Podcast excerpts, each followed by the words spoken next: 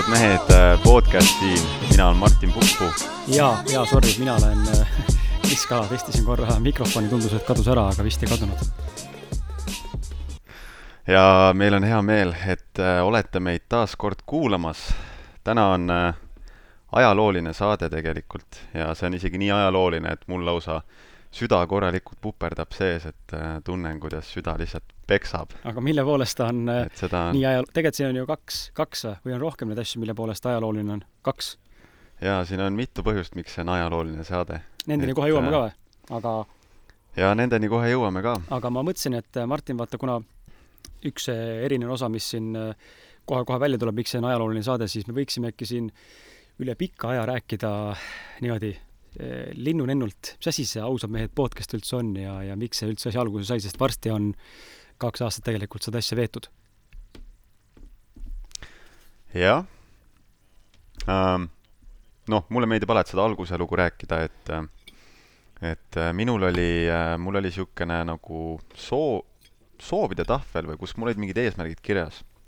ja mingi hetk ma olin omale sinna kirja pannud, et äh, ma tahan podcast'i teha ja mingi hetk, kui me siis sinuga jälle tihedamalt suhtlema hakkasime, siis äh, tuli välja, et sul on täpselt samasugune eesmärk, eks ju. ja, ja sealt see alguse saigi, et meil oli see algne nii-öelda tuum või see visioon oli nagu hästi sarnane, et me tahtsime ausalt, võimalikult ausalt äh, rääkida siis erinevatel teemadel, mis meile endale huvi pakuvad. jagada, jagada seda isiklikku äh, kogemust, maailmanägemust ja, ja lo-, ja loota või mis oli tegelikult mingil määral niisugune lootus, et äkki keegi resoneerub ja, ja kõige suuremaks võib-olla mitte üllatuseks, aga noh, mingil määral kindlasti üllatuseks oligi tegelikult see, et väga paljud inimesed ju tegelikult resoneeruvad ja on resoneerunud meie, meie saadetega nende, nende kahe aasta jooksul.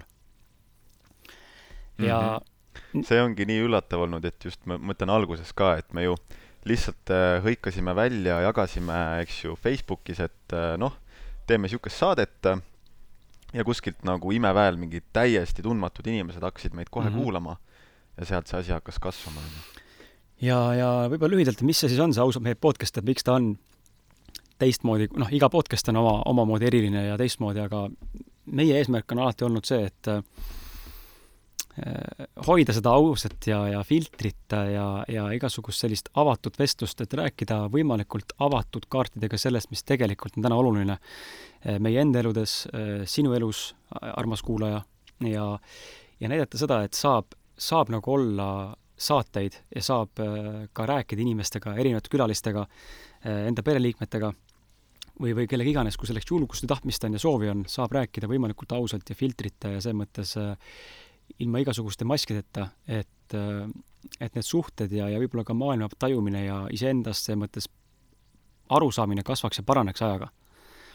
Mis ma ise olen näinud nagu hästi palju, Martin, ma arvan, et sa nõustud sellega, et see saade, selle saate vedamine on hästi palju aidanud näha ennast kõrvalt eh, veel rohkem kui enne ja, ja on aidanud mõista seda, kus on meie ego, kus on meie päris eh, soov, kus on meie mingisugused võitlusagarad kihad ja, ja mis iganes veel, need tulevad hästi välja selle saate tegemise jooksul, et või mis sa arvad? oo oh jaa, see on meeletu teekond olnud, et, et just niisugune endasse, endasse vaatamise ja enda veel paremini nagu tundmaõppimise teekond ja, ja ja just eile ka siin enne magamaminekut Anjaga rääkides ma nagu kirjeldasin talle, kuidas äh, ma olen sinu pealt tegelikult väga palju õppinud äh, seda, et mida nagu tähendab olla liider. mida, mida tähendab äh, olla jah, mingis olukorras nagu selle olukorra eestvedaja või juht. Et, et, et ma olen just nagu sinu pealt äh, seda hästi palju õppinud, et ma võin sellest lähemalt ka rääkida, aga võime ka praegu saatega edasi minna. räägime, aga lähme edasi, aitäh sulle. ja, ja lähmegi siis äh, esimese selle pommuudisega edasi siis saame minna äh, teise pommuudise juurde ja alustadagi siis äh, ühesõnaga, esimene pommuudis, et nagu sa pealkirja juba lugesid, siis äh, tegemist on äh, ausad naised podcasti ava, avasaatega ja siinkohal siis ma Martiniga mõlemad tervitame siis Enelit ja Elist. et, äh, et ausad naised podcast ja mm,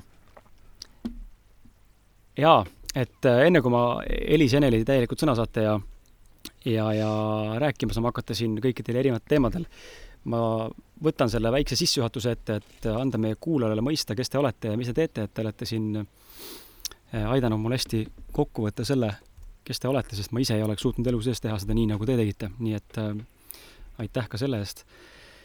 Äh, Eneli siis, Eneli lugu lühidalt, et eks kuulate siin, ma lood-, loodan, et ausad naised võtavad ennast kokku ja, ja neil on ambitsiooni jätkata saadet võib-olla kaks-kolm aastat, võib-olla mitte, on ju, vahet pole, mis, mis, mis ajaperioodi nad teevad seda, aga aga ma olen üsna kindel, et selle aja jooksul, kui te kuulama hakkate nende saateid, siis te saate aru tegelikult nii, nagu Martini ja minu puhul, kes me oleme ja, ja milliste väärtuste ja asjade eest me seisame mis on meie see story et aga lühidalt siis Enelist, et Eneli on, äh, tema isiklik teekond on olnud äh, kahekümne kaheksa aasta jooksul siis selline kogemusrikas ja värviline ja Eneli on tunda saanud elu kõige ilusamaid ja maalilisi hetki kui ka tumedavarjulisi ja süngeid aegu. tänaseks on ta jõudnud siis oma elus sellisesse kohta, kus ta tunneb, et maailm on tema ees aina rohkem ja rohkem äh, nii-öelda avardumas ja, ja avanemas. Eneli kasutab elus liikumiseks oma intuitsiooni ja südame häält ja see otsus selliselt elada on viinud ta elu voolule, kus ta tunneb, et loob oma elu äh, suurima kergusega.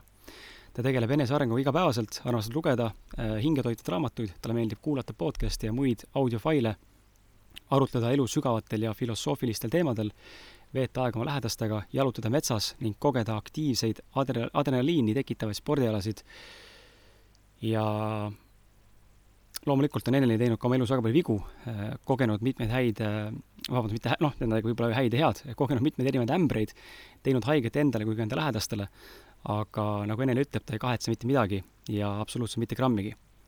vaid on hoopis tänulik iga kogemuse, vea ja hea eest, mis on tema elus juhtunud või siis aset leidnud.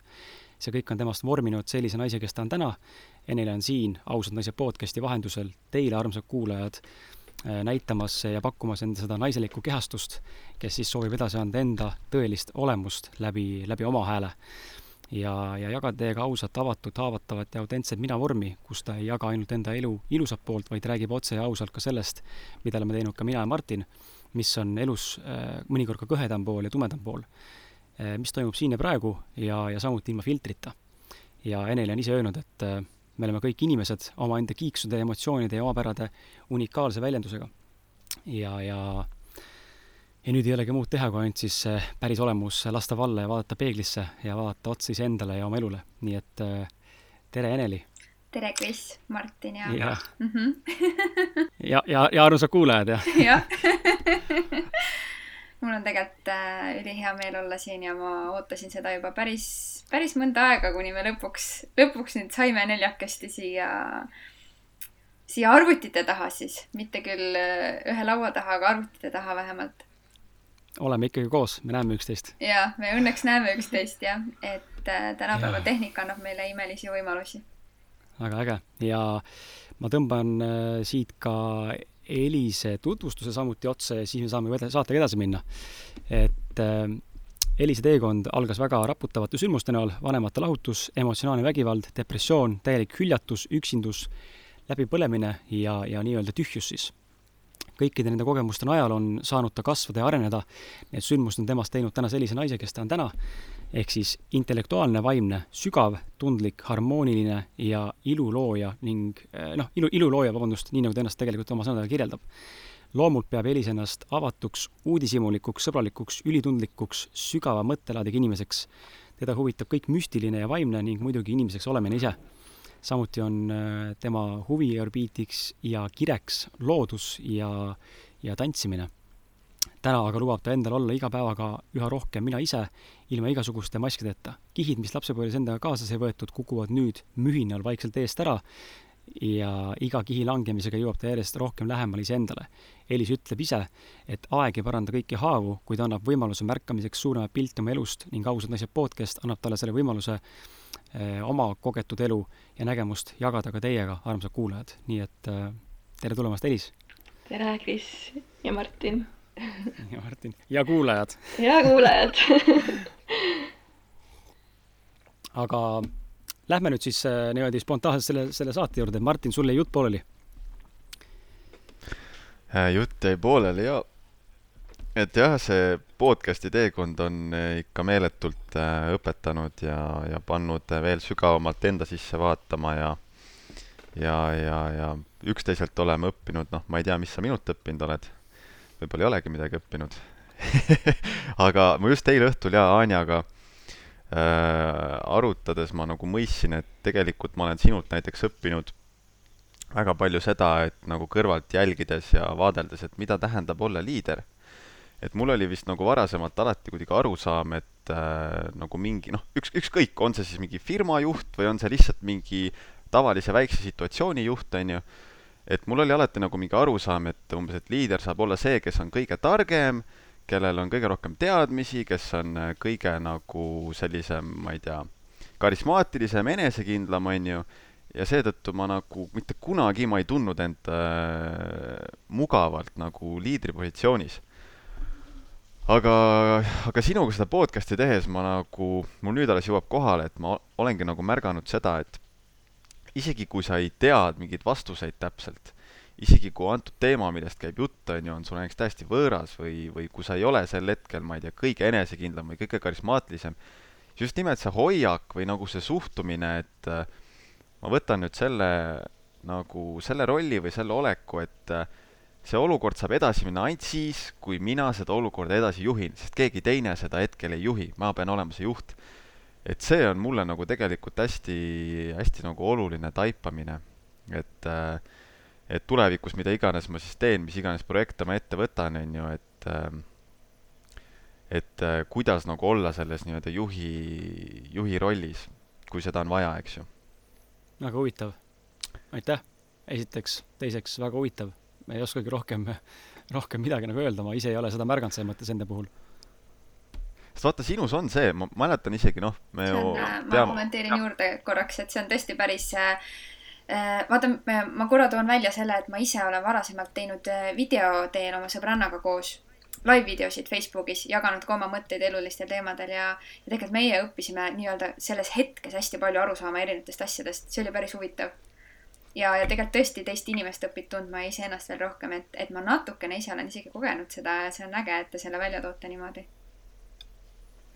jaa, aga just ongi nagu noh, Krisi ma olen nii ammu juba teadnud ja mida ma nagu alati olen tema puhul näinud, ongi see, et äh, tal on nagu lihtsalt alati olnud see olek, see nagu suhtumine, et äh, mis iganes olukorras äh, me oleme, keegi peab seda olukorda ju nagu suunama ja juhtima, on ju, sest et enamasti ikka enamus inimesi ei taha võtta nagu vastutust või nagu seda juhtrolli.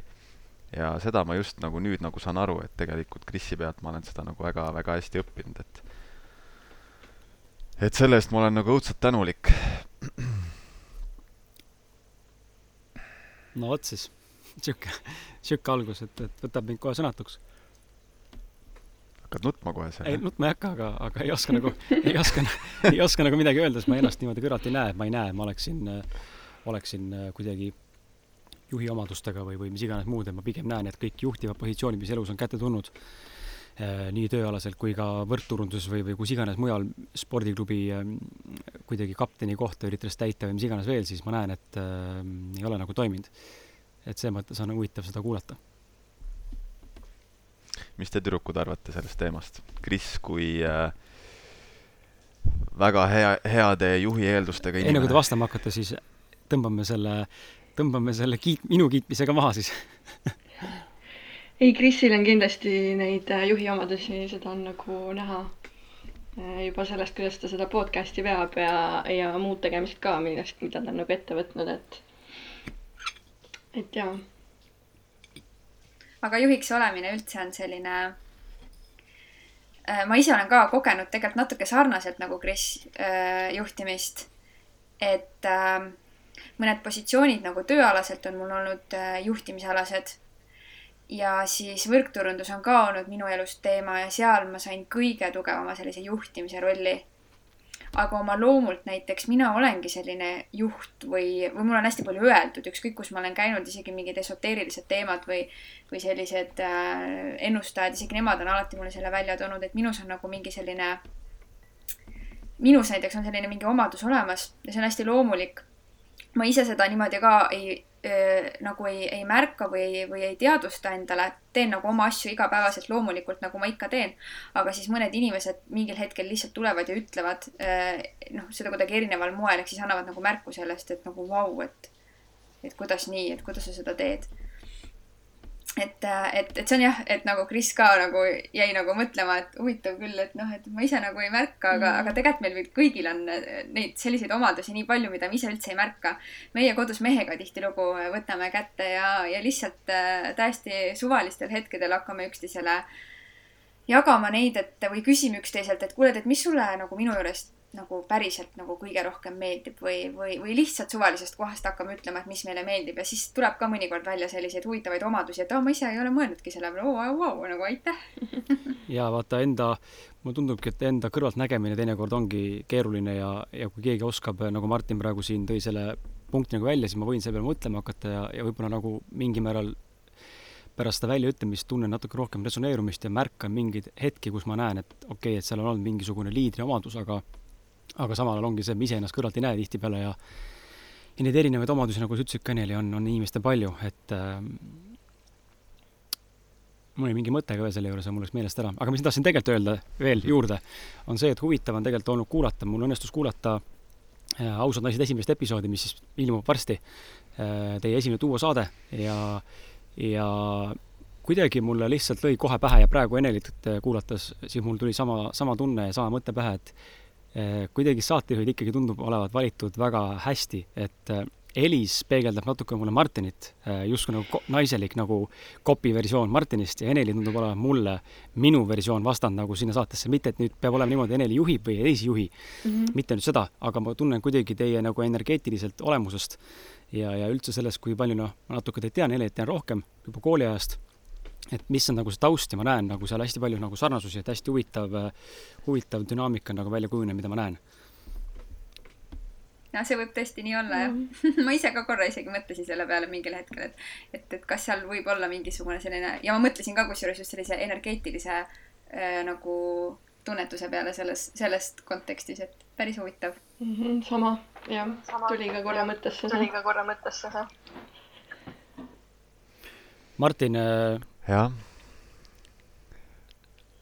ma just tahtsingi öelda, et jah, et uh, huvitav dünaamika küll, aga mina nüüd ju, see on see veel üks põhjus, miks see saade on ajalooline, et mina ju lõhun selle dünaamika nüüd jälle ära vähemasti nagu enda ja Krisi puhul, on ju, et uh, tekitan uh, tühimiku. et no on vist õige aeg. on vist õige aeg. kuidas me tunneme, on vist õige aeg sellest ja. rääkida või? et et äh, noh, need, kes on meid kuulanud siin pikaajaliselt, äh, on näinud, et mul on olnud palju sellist pendeldamist, et äh, mäletan esimest korda ma tegin mingi hetk niisuguse inspiratsioonivalangu nagu Drama Queen kaalus podcasti lõpetamist, kus ma siis rääkisin oma sisemisest võitlusest, kuidas mul oli mm, tõsi taga, et ma olin valmis podcasti lõpetama ja mida ma kõike mõistsin selle käigus ja ja mis tegelikult hirmud mul seal taga olid ja see oli, see, see oli kümme kuud tagasi, Martin. osa viiskümmend osa viiskümmend seitse. ahah. ja, ja siis tuli, eks ju, enne reisi olid mul, oli mul neid mõtteid käinud peast läbi ja, ja siis noh, reisil olemine juba anyway raskendas nagu seda podcast'i tegemist, ma olin ju füüsiliselt on ju teisel pool maad. aga siis nagu seal äh, reisil olles ma tegin äh, ühe selle video Ausad mehed alla, kus ma selgitasin, et ma natuke astun nagu kõrvale, eh, lasen nagu Krisil toimetada, teha, aga ma astun nagu sellelt nii-öelda Krisi kõrvalt sellelt justkui juhtpositsioonilt eh, kõrvale, onju. ja siis jälle Eestisse tagasi tulles jälle ütlesin, et ei, ma ikka tahan täiega teha ja ja, ja niisugune enda jaoks ka nagu väsitav pendeldamine on olnud ja ma ma olen olnud nagu segaduses, et mis seda pendeldamist siis nagu põhjustab või miks ma nagu alati jõuan ikkagist lõpuks selleni, et ei, mulle tegelikult ju väga meeldib neid saateid teha ja kõik see on mulle südamelähedane, aga ometigi mingi hetk ma jälle jõuan nagu mustrina tagasi sinna, et ma justkui tahan lõpetada või tahan enda osakaalu vähendada selles. ja siin äh, mingi nädal või palju see nüüd rohkem tagasi juba on, mulle jõudis lihtsalt järsku nagu selgus kohale ja sain aru, et äh, et tõepoolest, minu aeg tegelikult äh, on siin podcast'is nüüd läbi. ja ma natuke, ma natuke Jaa. tunnen ennast süüdlasena ka sest et ma tegelikult ründasin sind äh, mitte teadlikult, aga alateadlik, noh, tegelikult isegi ei rünnanud, aga see võib-olla tundus rünnakuna ja võib-olla mingil määral väga õhkõnad ka oli ja ma kuidagi nagu hästi tugevalt tulin nagu ühe mõttega peale pärast seda, kui mul oli see Andrus äh, vanaga olnud vestlus, mis pani mind nagu mõtlema enda asjadele ja siis ma hakkasin mõtlema minu pärast nagu podcast'i peale ja hakkasin mõtlema Martini selle nii-öelda, nii-öelda tembeldamise peale, et on-off ja pidur ja gaas, mida me oleme kogenud eelnevalt ja siis ma mõtlesingi, et huvitav, et peaks nagu küsima Martinilt, et kas, kas ta nagu on päriselt ise ka mõelnud selle peale, et kas see ikka on tegelikult tema tee et või, või see ikkagi on see, et ta teeb seda puhtalt sellepärast, et seal on mingi FOMO on ju, ehk siis fear of missing out või seal on mingi minu inspiratsiooni või mingi ambitsiooni pealt tulenev kaasakiskuv energia või, või tegelikult päriselt ka tahab teha seda. ja mu mõte ei olnud nagu Martin öelnud, tõmba nahhui, vaid, vaid minu mõte oli see, et ta, et ta vastaks nagu, vastaks nagu endale hästi ausalt, sest et äh, see on kurnav, ma arvan, mingil määral mulle, kui, kui Martin on niimoodi nagu tembeldanud eh, kurnav Martinile endale võib-olla ja võib-olla ka kuidagi sellele podcast'i arengule, kui korraga oleks nagu see suund roheline mõlemapoolselt, siis võib-olla oleks, oleks me täna kaugemal, võib-olla teisalt jälle ei oleks, ma ei saa seda öelda, sest noh, seda reaalsust pole täna tulnud, et ma ei tea. Mhm. aga lihtsalt pani nagu mõtlema ja siis ma tulin sinu juurde selle jutuga, et kuule, tulin hästi nagu teravalt kuidagi ja siis lõpuks helistasid mulle ka paar päeva hiljem. jaa, ja see, noh, kuigi see sel hetkel nagu väga ärritas mind, kuidas sa nagu teravalt äh, nii-öelda hoolimatult justkui nagu lähenesid, aga tegelikult tagantjärgi mul on väga hea meel, sest et peale seda see vestlus, mis meil oli, kus sa rääkisid siis enda vestlusest Androesiga, eks ju, see tegelikult väga kuidagi käivitaski minu jaoks selle nagu, sellele küsimusele nagu ausalt otsa vaatamise. Ja, ja mulle jõudis jah, nagu kohale, kohale see, et tõepoolest, et minu, minu aeg on siit lahkuda, et et see visioon, mis minul tegelikult algselt nagu tuumana minu sees oli, teha podcast'i, väljendada ennast, see sai täidetud ja, ja tegelikult minu jaoks see teekond ilmselt hakkaski juba läbi saama seal enne reisi. et lihtsalt äh, see oligi, mul oli segane sellest nagu enda jaoks aru saada aga, aga nüüd see selgus nagu jõudis kohale, et, et, et see ongi see, et äh, noh, minu nagu visioon ja ambitsioon ei olnud mitte kunagi tegelikult ehitada mingit nagu podcast'i brändi või äri. mu visioon oli alati lihtsalt seda enda jaoks teha ja see sai tehtud ja see on olnud tänuväärne teekond ja, ja, ja ja see ongi see põhjus lihtsalt, miks nagu ma pidevalt võitlesin endaga, et miks ma tihti enda seest ei leidnud nagu seda sarnast impulssi kogu aeg seda asja edasi viia edasi juhtida, mingite uute ideede peale tulla, olla samamoodi nagu hingega kaasas, nagu Kris seda teinud on, on ju. see ongi see põhjus, see lihtsalt sai minu jaoks läbi. ja teisalt, mis on nagu teine suur põhjus, ma sain, saingi aru sellest, et äh, ma ei ole seda tüüpi inimene, kes tahaks olla kellegi poolt juhitud ja okei okay,, ma võin olla inimeste poolt juhitud, kui mul on neilt inimestelt väga palju õppida aga eriti, kui on mingi projekt, nagu see Ausad mehed projekt, mis on nagu minu enda kaasloodud ja nüüd ma olen selles enda kaasloodud projektis nagu Krisi poolt juhitav, ma saingi aru, et vau, et nagu sihuke dünaamika nagu juba eos tegelikult ei sobi mulle. ja kui mul ei ole sedasama passion'it ja minekut sees, siis järelikult äh, jällegi nagu teine tugev põhjus, et äh, et see asi nagu lõpetada ja, ja millegipärast jah, see jõudiski nagu seekord nagu nii selgelt kohale, et mul oli koheselt nagu täielik rahu selle otsusega. ja ma nüüd tunnengi, et äh, noh, see ei ole enam miski, et ma tulen nädala aja pärast, et kuulge, ma ikka jätkan podcast'iga, on ju, et ei, et nüüd see nagu selgus jõudis kohale ja ja nüüd on sellega nagu rahu tehtud. see on, see on, armas kuulaja, see on viimane kord, kui sa Martinit kuulad siin podcast'is äh, siis nii-öelda äh, saatejuhi rollis. Ma arvan, et külalisena tuleb ta mulle kindlasti aeg-ajalt siia külla tuua saateid tegema, et see ära ei kao, aga jah, teda aktiivselt enam ilmselt ei ole. me maini-, me siin pidevalt tegelikult podcast'is äh, selle kahe aasta jooksul, kui me räägime, teeme mingit duosaadet või üldse külalistega räägime, siis me pidevalt mainime ka teisi saateid, et siin väga palju sai mainitud praegu Androesi, kiired viited meie eelnevatele saadetele, et äh, see saade, millest Martin rääkis, mida ta kuulas, kus ma rääkisin enda kogemust Androesiga, enda vestlusest Androesiga, see on siis hashtag kusjuures ma ei ole seda Aa, saadet no kuulanud. ma kuulasin, kui me sinuga kõne tegime, siis sa vaata Jaa, rääkisid mulle hästi palju okei. ümber, mida sa mõistsid no vot, et igal juhul siis sada, hashtag sada kolmteist pealkirjaga ette määratud teekond, kerguse valimine, hea tunde usaldamine, intuitsiooni kuulamine on see, kus ma räägin enda kogemusest. ja kui sa tahad teada seda, kes on Androes vana täpsemalt, siis meil on ka saade hashtag sada kaks pealkirjaga spirituaalne õpetaja, selgeltnägija Androes vana, spirituaalne ärkamine, peegelduse seadus. Saade on kaks pool tundi pikk ja Androese ennustuse kohaselt, mida ta ütleb ka podcast'is välja, see on üks meie top kuulatumaid podcast'e. nii et äh, võite minna kuulama, kui teil on huvi.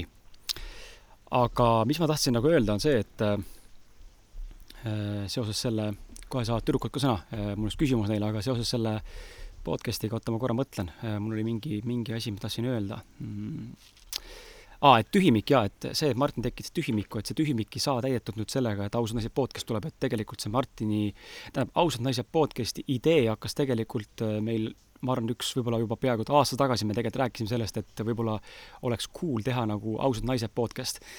ja, ja siis äh, see oli nagu lihtsalt üks mõte lihtsalt, mis tuli nagu, et oh, kihvt, äkki oleks nagu äge. ja siis ta jäi nagu taha, tahaplaanile ja siis mõned inimesed meile lihtsalt äh, kirjutasid, meie kuulajad kirjutasid meile, et kuulge, kas olete mõelnud teha ka mingit sarnast asja nagu Ausad naised näiteks? Ja üks nendest inimestest oli Elis tegelikult, kes Elis on äh, meie üks äh, nii-öelda kuulajatest. Ja tema käis selle idee välja ja siis ma sain aru, et okei okay,, et et okei okay,, kui mina olen mõelnud selle peale, Martin on mõelnud selle peale, nüüd ka mõned, mõned inimesed veel on seda välja pakkunud, et hmm, et kui ma ise seda ära ei tee, siis teeb keegi teine ära selle mis on nagu reaalsus, noh, see tänane maailm, mulle tundub, vähemalt töötab selliselt, et kui mul on mingi idee ja kui ma seda ära ei execute'i kohe või ära ei tee nii-öelda, siis äh, varem või hiljem see hakkab eksisteerima kellegi teise käe läbi nii-öelda, mingil muul moel või siis nagu sarnaselt või kuidagi isegi võib-olla üks-ühele ja, ja siis me tegime ära selle mõtte ja see ausad naised podcast tuli enne, äh, kui Martin otsustas lõplikult lahkuda, et see ei ole nagu nüüd loodud sellepärast, et Martini koht täita. ja tühimik minu kõrval täna jah, äh, ausad mehed häältena on, on nagu olemas, aga see tühimik jääb esialgu täitmata. Et äh, mina ei näe seda pigem tühimikuna, pigem näen Eh, Martini eh, ideed või nagu Martini seda, ütleme siis valikut toetades, ma näen, et see on hästi loomupärane liikumine praegu, sest ma juba sain reisi ajal, kui Martin oli seal Indoneesias ja Balil ja kus iganes sa olid, sain tunda tegelikult seda, mis tunnen üksinda saadet täielikult teha. et natuke hirmus oli alguses, natuke vastik oli alguses, sest ma olin harjunud kõike koos tegema mm,, ebakindlus mingi määral ka võib-olla, et kas ma ikka suudan nagu seda diskussiooni viia ja kui äkki mulle teema mõnikord ei meeldi siis tihtipeale teine osapool meil alati nagu on nagu paremini hukitud sellesse ja aitab nagu välja need, need pis-, pisikesed kohakesed. aga nüüd ma näen nagu, et see on hästi loomulik ja ma jätkan üksinda, et teadlikult ma asemele ei otsi, mul on palju pakutud äh, inimesi, aga hetkel ma ei võta, ei võta nagu meelega juba suurest trotsist, ei taha. ja teine asi on see, et äh, ma, ma ei tunne ühegi inimesega praegu meesterahvaga sellist kontakti, kes oleks võimeline täitma seda kohta nii, nagu Martin täitis et see peab olema keegi väga lähedane inimene, et äh, teisel, teisel juhul sellist, see lihtsalt ei toimi, sest et ta ei tea, mis on see vundament, mille peale see on ehitatud. ja siit on ka raske meil, siit oli ka raske meil Martiniga tegelikult ausalt naised podcast'i käivitada, sellepärast et valides välja saatekülalised, keda ühte ma tunnen, keda teist ma ei tunne ja see, keda ma tunnen, on Eneli, äh, siis äh, aeg on kümme aastat vahel olnud, kui me koolis käisime. et ja siis me ei suhelnud ka väga palju tegelikult. et äh, Eneli oli üks nendest tüdrukutest, kelle, kelle vastu mul oli niisugune salajane, mitte otseselt crush, aga aga niisugune, niisugune väike, väike nagu selline mingi tõmme oli, ma tundsin, et ma nagu huvitab ta rohkem kui lihtsalt tüdrukuna koolis, vaid pigem nagu naise või tüdruksõbra tasandilt, aga ma ei teinud kunagi lähenemist, sest mulle tundus, et ta on niisugune nagu over my league ja out of my league jah, et nagu ei, ei ole mõtet isegi proovida ja, ja ja eks ta tundus natuke ülbe ka, aga aga noh, ma pean ütlema ausalt välja selle, aga selles mõttes mul oli jah, mingi, mingi selles mõttes tunne mul sinu vastu oli ja, ja et ma arvan, siit tulenevalt kümme aastat hiljem ma nagu tegelikult olen natuke jälginud ja vahepeal sinuga suhelnud ka ja siit tuli see ka input nii-öelda sulle nagu pakkuda võimalust. et aga mis ma tahan, tahangi öelda, et et jaa, Martini koht ei ole tühimik, et ma arvan, et see tühimik äh, ei ole mitte tühimik, vaid ma ei teagi, aidake mõelda, mis see, mis see parem sõna on, loomulik kuld lihtsalt või, või ei olegi tühimikku mis ma tahtsin küsida tüdrukud teie käest, ise nüüd mõelge, kumb enne vastab, et meil otseselt vahet ei ole, aga kas te olete ka varem tundnud enda elus midagi sellist ja äkki saate tuua mõne näite meie kuulajatele, just sama olukorda, kus äh, sa teed midagi, aga tegelikult sa saad aru, et sa tembeldad. sa nagu pole päris kindel, et sa muudkui nagu teed, ta nagu mingi hetk on õige, mingi hetk on nagu vale, mingi hetk läheb, mingi hetk ei lähe, nii nagu Martin selle podcast'iga, et oskad sa äkki tuua mingeid näiteid?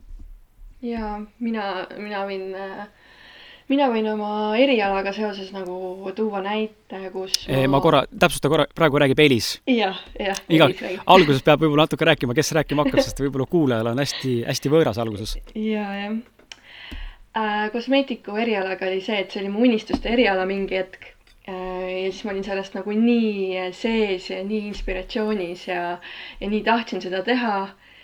ja mingi hetk äh, ma sain aru, et noh selle nii-öelda käimatõmbamiseks, äh, et kliente saada, läheb nagu meeletult pikk äh, periood ja, ja kuidagi nagu mul ei läi-, tul-, tulnud neid kliente ka ja siis ma mõtlesin, et ma pean ikkagi mingit muud eriala minema õppima, et mis toob ikkagi nagu koheselt mingi sissetuleku ja aga samas mulle ikkagi nagu meeldis see kosmeetiku eriala ja siis nagu niimoodi ma kogu aeg tembeldasin nagu ja noh, nüüd on nagu see, et äh, ma, mul lihtsalt on ühe ilusalongiga nagu koostöö äh, ja, ja seal me ühe brändiga nagu tegeleme ja ja kui kliendid soovivad tulla mu juurde, et siis ma olen olemas, aga ma ei tee seda nagu täiskohaga, jah.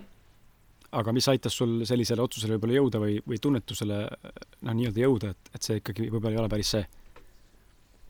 ma tundsin, et äh, no siin on päris mitmeid, äh, päris mitmeid äh, selliseid elu, elu keerdkäike, mis äh, lõpuks, lõpuks nagu viisid sellele teele, et ma sain aru, et ma olen üldse nagu inimeste nii-öelda aitaja ja hinge, hingega tegelev inimene, et ma olen nüüdseks nagu õpin üldse kogemusnõustamist ja ma näen, et selline nõustamine on nagu minu teema. vot, et et aga ma ei tah-, tahaks nagu, et mul see erialaõpingud nagu mööda külgi siis maha jookseks, siis ma nagu ikkagi nagu teen seda kosmeetiku asja ka. Äh, ja mul tegelikult nagu meeldib see, aga ma näen, mu süda on ikkagi rohkem seal nõustamises mm. -hmm. ja Ene-Li, sina ähm,? tead, me siin mõni aeg tagasi natuke arutlesime tegelikult teiega nendel teemadel ja äh, mina olen väga palju tembeldanud ühest äh, teemast teise äh, ja väga äärmuslikult ja väga tugevalt. et äh, et võib-olla seda ilmekamalt välja tuua, siis ma mingi aeg kirjutasin teile vist ka, et, et ma lugesin ära, et ma olen oma elus vist tegelenud erineva tegevuse või ametiga nei, ja numbriliselt tuli kokku vist kakskümmend tükki või et ma olen täna, saan nüüd kohe-kohe äh, äh, mõne päeva pärast kakskümmend üheksa aastat vanaks. et, ähm, et, et ma nagu ütleme, et kui ma mõtlen selle peale, et mi-, miks nagu niimoodi tembeldanud ja mis on nagu mind äh, ütleme jah, helisti hästi välja, et elu keerdkäigud, et mõned asjad on sellised nagu, nagu ongi mingid elu keerdkäigud, aga mõned asjad on sellised äh, kus ma nagu ise ka olen jäänud nagu mõtlema nende peale, nagu näiteks Martin ennem äh, nagu jagas oma, oma seda podcast'i osa, et, et avastad ennast äh,, et teed nagu midagi ja samas sa nagu ei tee seda päris sellise kirega, et, et selline teadlikkus äh, ja selline sügavam mõte, et miks ma üldse täna teen midagi.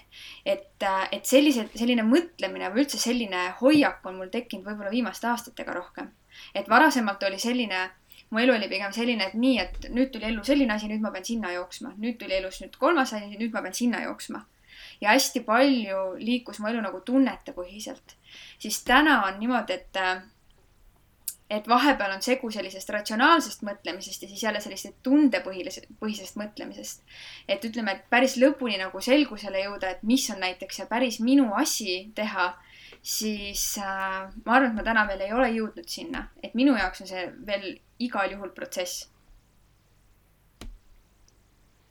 et ähm, äh, jaa, jah, ma võib-olla ei oskagi midagi rohkem juurde kommenteerida. kas sa tahad, Martin, midagi lisada või? nii, jaa, mis see hetk on? kolmkümmend kolm, nelikümmend.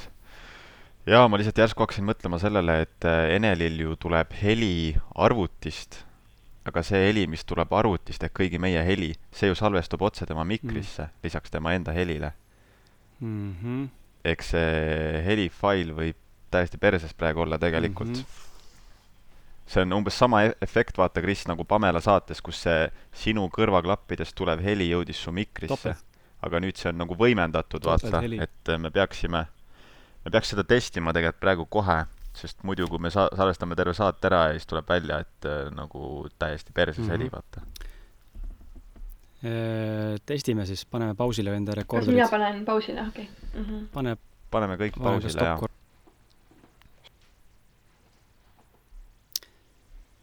nii, Martin, oli sul, sul tekkis mingi mõte vahepeal juurde tekkinud äh,? ei, praegu ei tekkinud no okei okay,, võib öelda ka, et meil oli siin väike segadus ka korra heliga, et äh, niikuinii on praegu väike restart, võib seda kuulajatele ka mainida et.... mitte uuesti, aga nagu, et meie enda jaoks see flow sai otsa korraks, sest meil tekkis jah, väike tehniline error. jaa. okei okay. äh,. tahtsin midagi küsida, mul läks äh,, läks see meelest ära võib-olla huvitav oleks veel, ma mõtlen just nagu kuulaja seisukohast, et kuulda, et kuidas nagu mm, kuidas nagu Eneli ja Elis siis nagu üksteist leidsid ja kuidas see, kuidas see kokkusaamine viis või oli see puhtalt sinu Ma poolt alustan äh, kokku pandud? Elis räägib.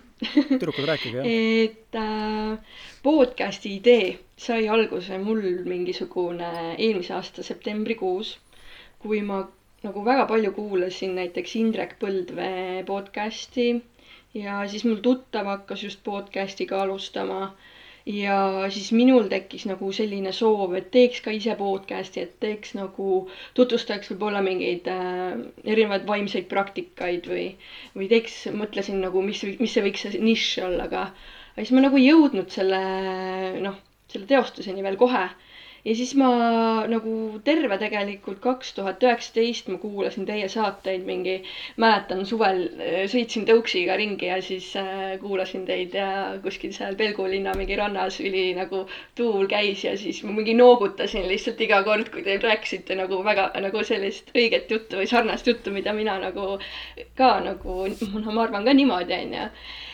ja siis ähm, ja siis oligi, ma kuulasin ühte Kaido Pajumaa äh, podcast'i teie repertu-, repertuaarist siis. Ja see niimoodi kõnetas mind, ma niimoodi tundsin sellist kuidagi nagu pakatavat mingit äh, tunnet, et ma pean Krisile kuidagi kirjutama, ma pean midagi kirjutama. Ja siis äh, ja siis ma kirjutasingi talle ja siis ta ütleski, et äh, jaa, et see mõte on täitsa, täitsa tore mõte ja et võib nagu mõelda ja, ja siis äh, niimoodi ta siis äh, läkski, kui me veebruaris vist äh, äh, Krisiga vist korraga kohtusime. ma arvan, see seal selles äh, kohvi, kohvipausis Martini lemmikus kohas. jah, ma ei tea, kas see oli, kas see oli nagu jaanuar või see oli veebruar, ma isegi ei mäleta, jah. ma ei mäleta äh,. igatahes sa ütlesid mulle, et sul on üks neiu on nagu äh, mõtteis ja siis sa andsid Eneli nime ja, ja siis äh, sa tahtsid meile kokkusaamise nagu kokku äh, leppida, aga siis ma juba ise võtsin nagu initsiatiivi ja kir kirjutasin nagu Enelile ise. ja siis me saimegi seal äh, Rahvaraamatus, eks ole, kokku seal kohvikus seal Telliskivis ja ja me oma mingisugune kolm tundi vist rääkisime juttu seal, ma arvan. et meil niimoodi nagu klappis kohe, et äh,, et kuidagi jaa kõik siuksed asjad, mingid raamatud tulid, ühised raamatud ja mingid äh, jagamised hakkasid pihta, et, et jaa. Ja siis siin vahepeal on Eneligi isegi mind vahepeal siin käinud tervendamas ja kuulanud ja andnud nõu ja, ja kuidagi jah, tekkis selline side omavahel ja tundsingi, et äh, jaa, tema on küll väga õige inimene, kellega nagu podcast'i teha ka siis pole ime, siis pole ime, et teie esimene duosaade, mis äh, on peagi varsti, armsad kuulajad, teile ka saadaval, on tund viiskümmend pikk, et mina ja Mart-, mina ja Martin jääme igal juhul sinna alla, meie duod pole mitte kunagi nii pikad olnud. Ma arvan, et naistel ongi see teema, et naistel on alati palju rääkida. tahate lihtsalt, lihtsalt pläkut-, tahate lihtsalt pläkutada kogu aeg. et siis ma hoiatan siis kuulajaid, et ausalt mehe podcast'i alt hakkab tulema siis siukseid mõnusaid kahe poole tunniseid ja kolmetunniseid naiste duo pläkutamissaateid. ei, tegelikult aga need on sisukad, need on sisukad õnneks. et ei ole nagu niisama mingit pläkutamist ja nii-öelda loba, et äh, ikkagi räägime reaalsest elust. just. Te ei ole nagu dissidendid. üldse mitte halvaga, üldse mitte halvaga, aga nagu täiega halvaga. ma täiega halvaga, ma, mulle üldse ei meeldi kuulata neid, see on minu jaoks nii jabur, mida nad ei, okei okay,, okei okay., tegelikult äh, selles mõttes, et ei ole midagi ei ole midagi isiklikku, aga nagu isiklikult öeldes nagu sitt saade, ei, tegelikult on niimoodi, ei nagu, ei nagu päriselt, ma ei tee, me ei tee, tegelikult, tegelikult Martiniga ei tee maha, selles mõttes iga saate formaat on igal inimesel erinev ja, ja ongi kuulajad, kes tahavadki saada sellist meelelahutust, entertainment'i ja lihtsat juttu ja kuidas maha-taha ja mis iganes tüdrukud räägivad, see on kihvt tegelikult. selles mõttes, aga meie siin neljakesti ja ma arvan, meie kuulajad ka väga suuremas osas, miks nad meid üldse kuulavad, on ju tegelikult selle põhjusega, et saada kätte seda sügavamat ja, ja seda nii-öelda, nii-öelda natuke rohkem sellist eksistentsiaalset ja filosofeerivat juttu, mida te võib-olla igal pool nagu igapäevaelus rääkida ega kuulata ei saa, nii et see ongi erinevad kontekstid. aga ma võib-olla jagan enda poolt siis ka.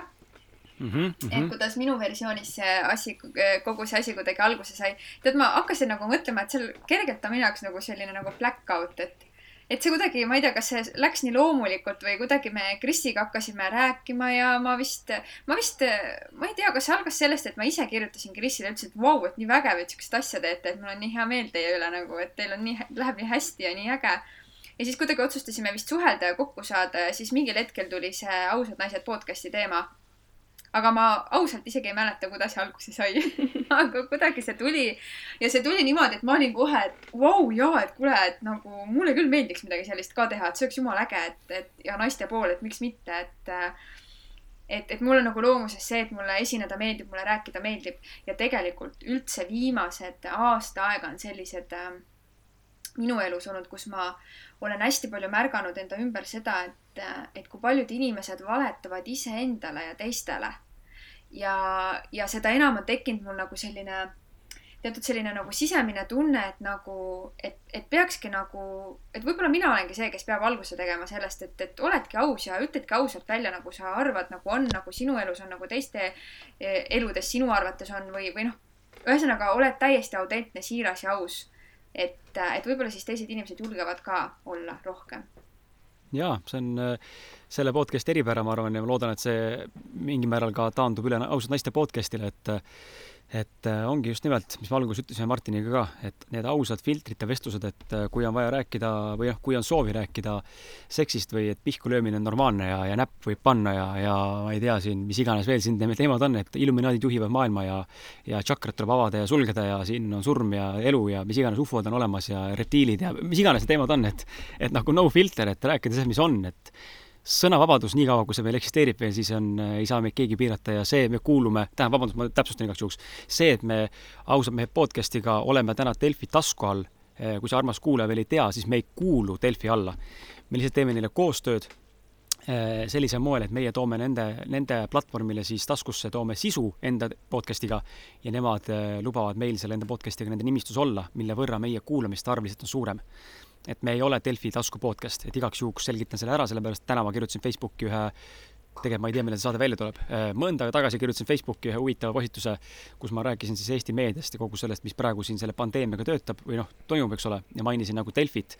et äh, kui mingil hetkel me enam Delfi all olema ei peaks äh, selle saate avalikustamise hetkeks, siis on teada, miks. aga, aga ma ei, me, ma ei, ma ei kuulu nende alla, et me ei kuulu nende alla ja ei hakka mitte kunagi kuuluma ka mm. -hmm aga see on teie saade, tüdrukud, mis te tahate rääkida, teie ava, avapauk on see, paugutame siis. et paugutame, mis me räägime, tegelikult äh, ma ise mõtlesin, et äh, võib-olla peakski natuke mõlemad Elisega iseendast rääkima, võib-olla oma elu sellistest olulisematest hetkedest või etappidest ja, ja et inimesed, kes meid kuulavad, saaksid rohkem siis teada, et kes me oleme ja kust me võib-olla tuleme. et ma arvan, et võib-olla päris detailideni jõuame kogu elu siin lahti lahata, aga võib-olla lihtsalt mingid olulised asjad välja tuua, et et, et miks me oleme täna siin, kus me oleme mm. -hmm. et see on nagu minu mõte. kas sa, Martin, tahad äh, küsida midagi, äkki ei taha? tahad kuulata hmm.? Hetkel ei. ei no Martin ei ole pohhu juba, ta on läinud ei, nali, nali ei ole mul ka tegelikult küsimusi, et äh, jaa, okei okay., andke tuld, me siis kuulame ja kui midagi tekib, eks me siis karjume. nii, kumb alustab?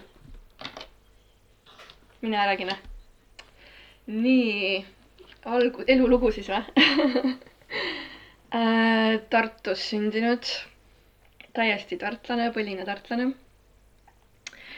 äh,. Äh, Veeriku linnaosas äh, üles kasvanud äh, põhimõtteliselt paneelmajas äh,. Te korter, korterikorrus ka? neljas korrus jah ähm, jaa, ühesõnaga väga palju äh, toimus tegelikult, kui ma olin äh, veidi noorem, ma ei tea, kui palju ma siit äh, nüüd jõuan rääkida. aga seal oli,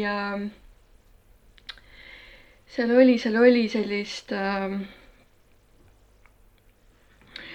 hmm, no näiteks kui võib siis võtta täiesti algusest, kui ma olin ema kõhus, siis äh, isa käis äh, äh,. isa käis palju äh, pidutsemas, käis palju ringi, ema tundis väga ennast äh, üksikuna.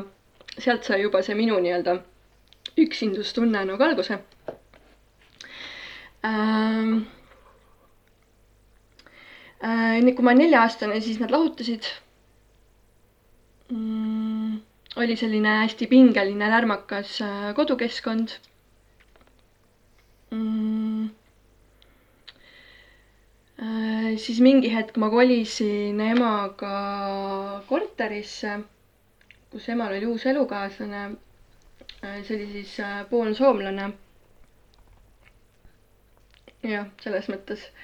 Ja siis kuna ta pingutas nii üle, tal oli teine perekond ka, siis mingi hetk ta lihtsalt suri ajukasvajasse mistõttu emale sattusid kõik äh, korterilaenud ja kõik, äh, kõik sellised äh, kohustused, mistõttu pidi tema minema vaatama välismaale tööd ja siis ta läkski Soome tööle, kus ta on tänaseni. Ja, ja mina sain siis nii-öelda selle korteri endale kasutada et ma põhimõtteliselt ma elasin alates juba keskkoolist saati, elasin nagu täitsa nagu äh, üksik, üksikuna, üks, üksikut elu. et äh, nooruses oli väga palju sellist äh, pidutsemist äh,, sellist äh, erinevad seltskonnad äh,, ossid äh,, räpparid äh,, kes iganes äh,. ja oli ka narkot. võib täitsa öelda seda mm.. siis ähm.... huvitav on see, ma, kui ma korra võin segada, et kui siin saate alguses oli juttu sellest nagu energeetilisest poolest, et Eneli on nagu Kris ja Elis, sa oled nagu mina, onju, siis ma ei olnud sinu nagu seda lugu kuulnud ja mul ju tegelikult samamoodi, et tõenäoliselt, kui ma olin ema kõhus, siis ega ega mul sealt isa, isa poolt mingit nagu erilist toetust ja armastust ei, ei tulnud, et pigem oli alkoholism ja pidutsemine ja ringilaskmine ja ja samamoodi, kui ma olin äh, Just, viis, siis mu vanemad lahutasid. hästi sarnane. Selles ja, mõttes nagu ja. hästi sarnane, sarnane taust. et äh, sel-, hästi palju oli sellist äh, kuuluvuse otsimist, mida kunagi ei tulnud. et äh, hästi palju sellist suhtlust, aga pealispindset ja lõpuks ei olnud ühtegi lähedast äh, sõpra, sõpra tegelikult. et äh, sellisena jah, äh, see eluke oli. Ähm, jah, palju oli sellist emaga tülitsemist ja, ja selline üksi jäämise hirm oli juba kuskil teismeeast saati, jaa ja siis ma ka vahepeal tegelesin spordiga, olin suur ujuja, aga kui ma sain liiga heaks ujujaks ja, ja juba võistlustele pandi, siis ma kuttisin lihtsalt, sest et kuidagi ma ei tundnud, et ma tahan äh, nagu ujumisega niimoodi tegeleda, et ma tahan teistega võistelda, vaid mulle lihtsalt meeldis ujuda äh,. Koolis ma olin selles suhtes hästi äh,, hästi suur püüdleja ja pingutaja et ma väga nagu äh, pingutasin viimase, hambad ristis, et põhimõtteliselt neljad-viied ikka ära tuleks, et äh, jah, lõpuks nad tulid ka, mõni kolm võib-olla oli, aga, aga põhimõtteliselt hinded olid suhteliselt head. aga läbi äh,, läbi selle, mis mul kodus toimus, see väga palju pärssis minu nagu sellist äh, taibukust ja kiiret mõtlemist ja sellist, et äh, et võib-olla, võib-olla need gümnaasiumi lõpueksamid ei olnud nagu kõige paremad.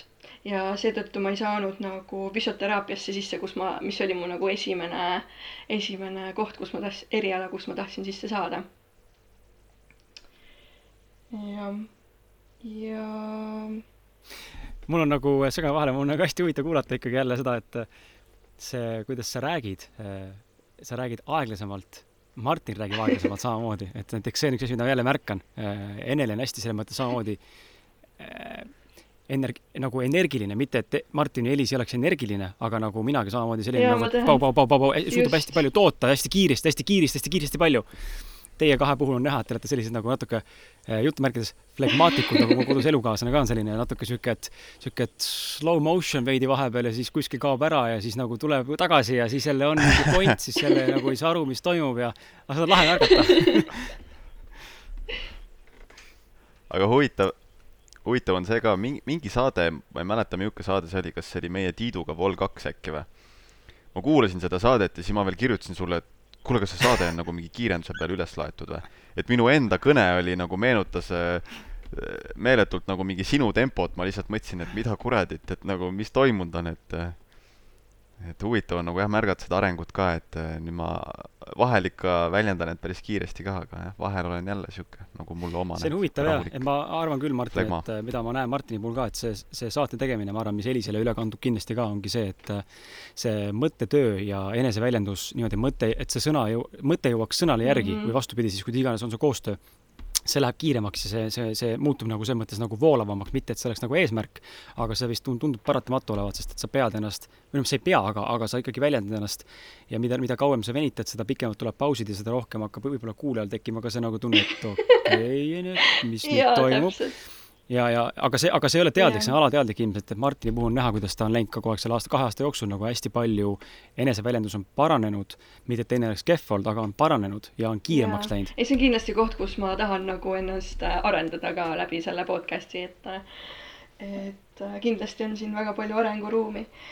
Äh, no nüüd ma läksin hästi kiiresti põgusalt üle, siin on kindlasti väga palju muid detaile, mida nagu äh, rääkida, aga lõpuks jah äh,, siis äh, ma ta-, mõtlesin, et ma tahan hullult nagu Tartust eemale saada.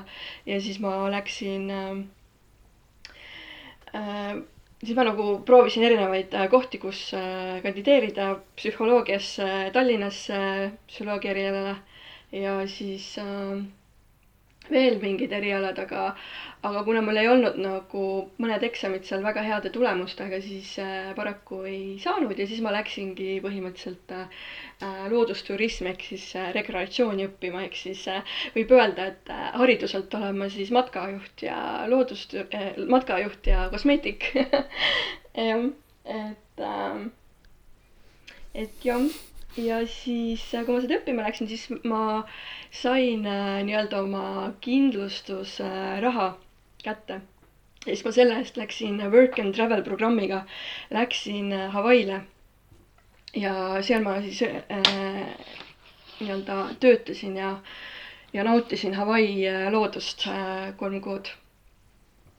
et see oli selline päris mm, põnev mm,. väga huvitav selle Hawaii juurde tuleme äkki natuke sellest tagasi. tulla küll äh, äh,. ja siis, kui ma sain kakskümmend kaks, siis äh, kuskil sealkandis hakkas äh, mul see depressioon nagu süvenema see, mis oli juba põhimõtteliselt lapsepõlvest saati äh, nagu kett, nagu niimoodi vaikselt nagu tulnud, tulnud, tulnud, aga kuna ma mõtlesin selle bakatöö enda jaoks nagu nii jõhkralt üle, siis äh, kõik need sümptomid nagu äkki kõik tulid niimoodi.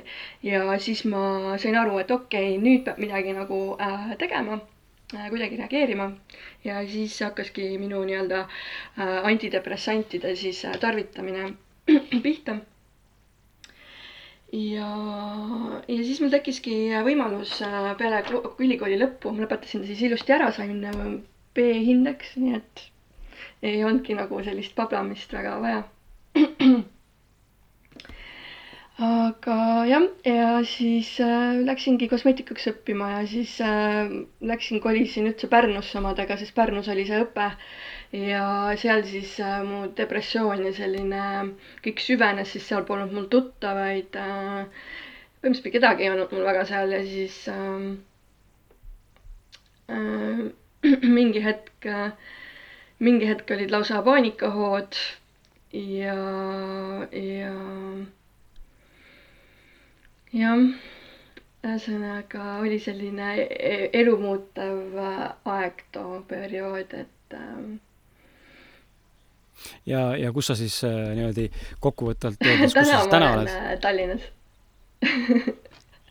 aga nagu oma, oma olemuselt, mitte nagu asukohalt, vaid oma olemuselt, et kus sa oled, kuidas tunned ennast, mis, millega mm -hmm. tegeled ja äh, praegu ma siis tegelengi nii-öelda kogemusnõustamisega äh, nõustan oma äh, kliente, kes minu poole pöörduvad ja ja siis ka olen vaikselt äh, coaching ut õppimas praegu. Ja siis teen ka veidikene seda kosmeetikatööd, et äh, et praegu tegelen nende asjadega, aga jah, tänu sellele kriisile siin äh, on oluliselt mu äh, kliendibaas äh, äh, nii-öelda vähenenud. Ja praegu vaatan juba ühe silmaga uusi töökohti, uusi tööpakkumisi. Nonii. Eneli, sinu äh, väike sihuke milstone idega sihuke ülevaade. mulle meeldis, kuidas Elis tõi nagu faktid välja. et see oli nagu siuke faktipõhiselt, et oli siis ja siis oli siis ja siis oli siis et, et tegelikult see annab nagu hea ülevaate, kust me tuleme, et, et mis meie eludes on olnud ja mingis mõttes mulle tundub, et see on nagu hea baas. vaata, see ongi nagu keeruline on nii seda perioodi nii lühikeselt kokku võtta, igat perioodi justkui omaette tahaks nagu kirjeldada, et mida ma seal kogesin ja miks see mulle oluline justkui oli.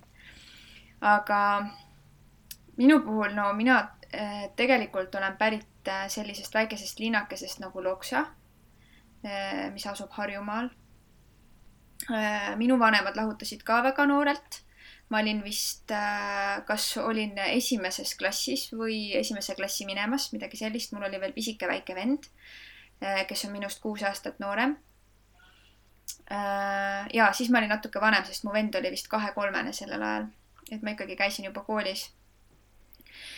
minu selline, mis ma olen täna aru saanud, minu selline turvakoht väiksena, mis mind hästi palju nagu hoidis ja aitis, aitas, oli mu vanaema sest mina näiteks väiksena lasteaias ei käinud, et minul see kogemus täiesti puudub, et ma ei tea, mis on lasteaed, mis see tähendab, mis seal tehti, kuidas seal oldi, et, et mina olen selles suhtes väga suures osas maalaps, et ma olen väga palju äh, olnud iseseisev, pidanud olema iseseisev äh,, pidanud kasvatama oma venda väga suures osas ise.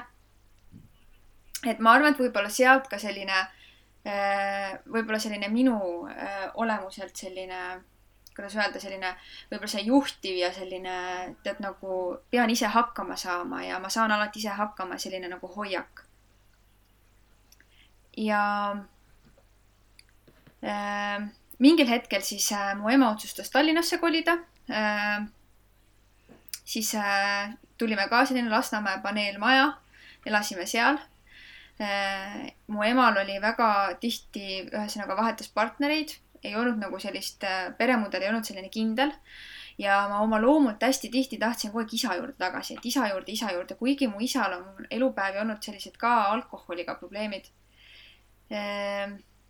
et see on, ütleme, minu elus näiteks samamoodi tekitanud mulle väga palju stressi, mida ma mingis mõttes tänagi veel oma olemuses nagu lahendan veel ja ja, ja, ja aeg-ajalt paneb mind väga muretsema ja, ja kuigi see on täna oluliselt nagu parem kui kunagi varem, üldse see suhtumine ja see vastutuse äraandmine, et see, see sõltuvust, sõltuvuses olevate inimestega tegelemine on ka nagu omaette väljakutse, et kui sinul endal ei ole ühtegi sellist äh, sõltuvust, minul näiteks ei ole mitte kunagi, ma olen proovinud suitsu, ma olen proovinud narkot, ma olen proovinud alkot, mitte ükski asi, isegi kohvi.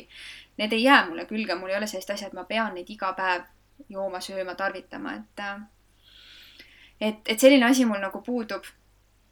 ja siis äh, äh, mina tahtsin noorelt väga ruttu iseseisvaks, veel iseseisvamaks saada, et selline minule nagu vanemate poolt piirangute panemine, et eriti ema poolt selline piirangute panemine, et sa ei tohi minna, sa ei tohi teha ja ja noh, ma saan aru, täna mõistan seda, et tema puhul oli see, et eks tema soovis lihtsalt kaitsta, et ma olin veel noor, onju, aga mina tahtsin ikkagi pea ees igale poole minna ja ja vette hüpata ja katsetada ja kui tekkiski samamoodi selline iga, igal äh, noorel on oma aeg minu meelest selline, kus tekivadki sellised väiksed kambad, kellega sa ringi liigud ja ja, ja sihuke ja kusjuures, kui sa Kris ennem ütlesid, et kuidas sina mind mäletad, siis minu jaoks on see nii veider, mina alati ennast koolis tundsin sellise äh, pigem sellise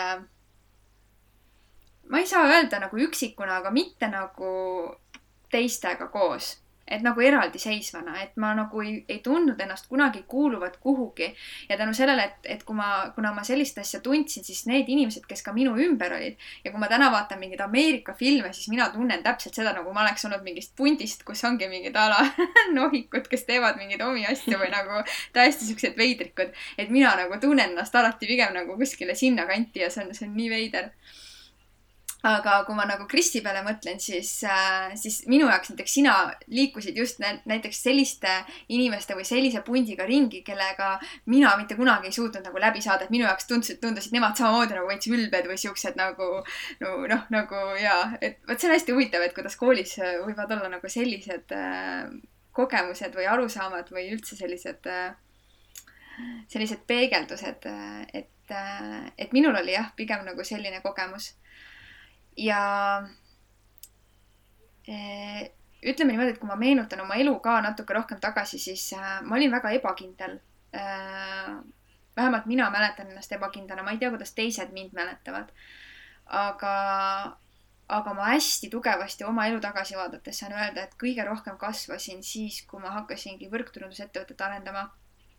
ja ma tegin seda kolm aastat et, äh, et see kasvatas mind meeletult, et selle kohta saan mina täna öelda, kus oli minu jaoks võib-olla kõige suurem selline, äh, selline kool. et kindlasti eelnevad asjad mu elus ka, aga see oli see, kus ma hakkasin võib-olla veel rohkem nagu elu kui sellise peale mõtlema, sest et äh, äh sellel ajal ilmusid minu ellu ka sellised raamatud äh,, enesearenguraamatud, mis on pannud mind nagu elu üle rohkem mõtlema, analüüsima, sügavale minema ja sealt ma kogesin ka oma elu esimesed sellised äh, tugevamad depressioonid või mustad augud ära, et kindlasti ma kogesin neid varem, aga, aga ütleme sellel ajal tugevamalt. et äh, sügavamalt ja sellised nagu mõistes, et, et minu elus ongi midagi jamast ja midagi ei sobi mulle. ja, ja sealt väljatulek viis mind äh, rohkem sellisele spirituaalsemale maailmale. et äh, oma elus oleme hästi palju teinud selliseid äh, ratsionaalseid otsuseid äh, ja paljude inimeste jaoks väga ootamatuid otsuseid, et äh, võib-olla kui inimene, kes mind võib-olla kauem teab, siis ta teab, et ma olen selline, et äh, ühel hetkel täiesti ootamatult võin, võin lihtsalt astuda kuskile teise suunda. lihtsalt ühel hetkel saab kõrini ja lihtsalt tunnen, et nüüd on kõik, ma lähen nüüd sinna. Martin ma,, Mart-, Martin, Martin muigas selle peale et, äh, et, et minul on seda elus hästi-hästi palju olnud ja, ja kui me ennem rääkisime sellest äh, tembeldamisest või sellest nagu, et, et mis on siis see meie asi teha või, või mida me oma elus üldse nagu te, teinud oleme, et siis, et siis see on ka mõjutanud kindlasti seda. ja, ja huvitav ongi see, et, et mul ei ole kunagi kahetsust. mitte kunagi ei ole mul seda tunnet, et aga äkki et miks ma nagu selle otsuse tegin, et äkki kui ma oleksin jätkanud, et võib-olla oleks kuidagi teisiti. et sellist asja mul ei ole, et kui ma teen mingi otsuse, nii, nüüd ma valin sinna või seda teed pidi minna, siis kõik see, mis oli, jääbki selja taha. et, et ei ole sellist tagasi nutmist või ulgumist või, või noh, mis iganes, et sihukest kogemust äh, mul nagu ei ole ma arvan, et see on ühtlasi üks äh, hea suur point, mida siin nagu välja tuua ka, mis ma arvan, meie kuulajad nõustuvad sellega ka, et tihtipeale ongi see et kui me teeme mingi valiku ära, siis me hakkame mõtlema, et aga mis siis, kui ma oleks valinud teise tee ehk variant B või variant C või variant D, et appi, appi, mis oleks siis saanud, aga niimoodi elades, noh, esiteks neid, neid vastuseid ei tule mitte kunagi, sest et me ju ei valinud seda seda ei, ei saa kunagi teada. aga me tahame kinni jääda ja siis selle arvelt hakkamegi ennast lihtsalt ise ruineerima. ja, ja, ja, ja võib-olla kui mind üldse on midagi või mingid kahtlused on tekkinud, siis kahtlused on tekkinud ainult tänu ümbritsevale, kes minu ümber on olnud. ehk siis inimesed, kes on pannud mind kuidagi kahtlema või ebakindlana tundma minu otsustes. et, et minu enda nagu elukaaslane on selles mõttes täna selle, ütleme seitsme aastaga, kus me oleme koos olnud, on nagu seda tunnet minusse nagu proovinud tekitada. aga kuidagi ma olen ikkagi suutnud jääda nagu endale kindlaks, et, et just tunnete põhjal, et ma tunnen, kui minu jaoks on mingi asi enough et nüüd siit nagu aitab, et siit ma enam edasi ei lähe. et, äh, et, et sellist asja on mu elus jah, hästi palju olnud. ja jah, ütleme niimoodi, et seda elu nagu tagasi vaadates või see, kust ma tulen ja mida ma teinud olen, tegelikult seda saaks täiesti erinevate teemavaldkondade all mhm, võtta mm,. täpselt, ma tunnen sama nagu.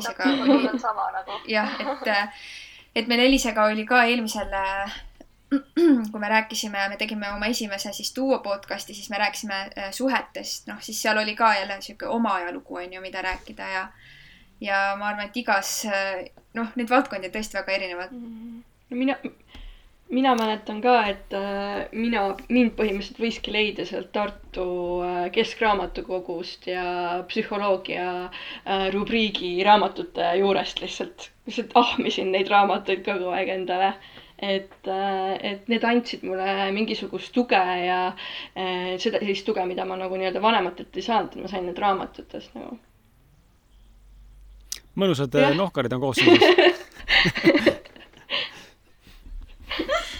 ja väga äge, et äh, aga samas, kui ma täna näiteks äh, ma ei tea, see on alati niimoodi, et ühel hetkel, kui me oleme teatud vanuses ja me hakkame nagu vaatama tagasi seda kooliaega või seda, et, et okei okay,, et aga mis on siis nendest inimestest saanud ja kes siis mida teeb, siis äh, tegelikult kui kooli ajal vaatasid mõnda inimest ja mõtlesid, et vot temast võiks saada mingi tegija, onju. ja siis mõnikord vaatad täna, siis tegelikult mõistad, et aga ta ei teegi midagi sellist, nagu sina arvasid, et, et kui sa, kui sa nagu vaatasid, milline enesekindlus sellel inimesel olemas on, aga ta ei kasutagi seda, seda potentsiaali endas tulevikus ära või ta ei ole seda kasutanud et, ähm, et, et see on näiteks minu jaoks ka selline hästi üllatav, on ju. tead, selle enesekindlusega, enesekindlusega tuleb mul praegu niisugune mõte pähe, et äh, me oleme Martiniga natuke rääkinud ka eelnevalt sellest ja ma teen sellest mingi aeg eraldi äh, inspiratsioonivalangu, kus ma räägin, äh, toon välja neli, neli enda erinevat maski mida ma täna veel kannan ja üks nendest maskidest on enesekindlus, et ma ei ole tegelikult enesekindel inimene ja, ja pole mitte kunagi olnudki, aga lihtsalt ma olen suutnud oma eba, e-, ebakindlust mingil tasandil mingites valdkondades oma näilise välise enesekindlusega väga hästi maskeerida. ja mitte maskeerida negatiivselt, ma varjan midagi, vaid lihtsalt see on mul loomupärane oskus olla enesekindel, vaatamata sellele, mis situatsioonis ma omadega olen.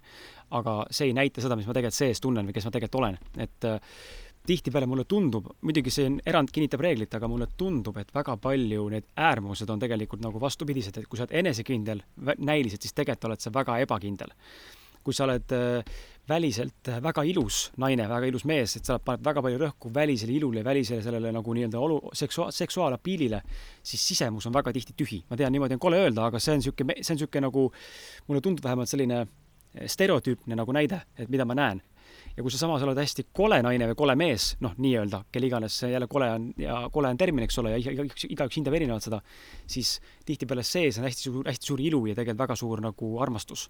et nagu kohati tundub siuksed mm -hmm. nagu äärmused alati enda puhul seda tõesti jah, see on, see on tegelikult päris hea märkus. ma olen ise ka mingitel hetkedel oma elus olen nagu ka jõudnud sarnase mõtteni.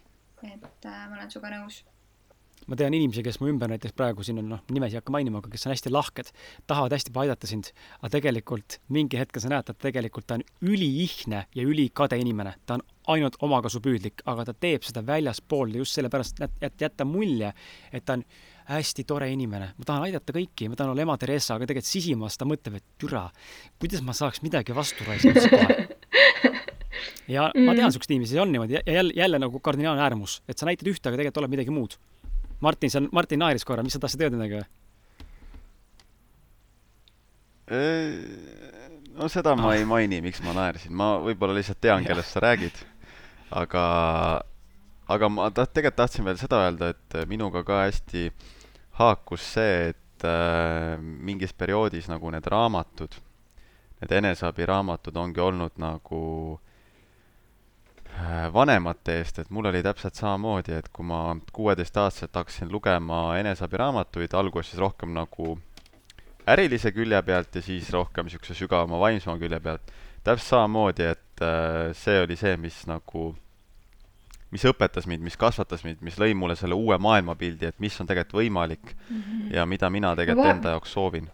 see on äh, päris päris hea, ma korra äh,, mul tuli kohe selle peale see mõte, et, et kui mingi aeg ma kuulasin äh, seda Krisi podcast'i, kui ta äh, no siis oligi nüüd see, kus ta äh, jagas oma mõtteid ja inspiratsiooni, kui ta Androesiga kohtus.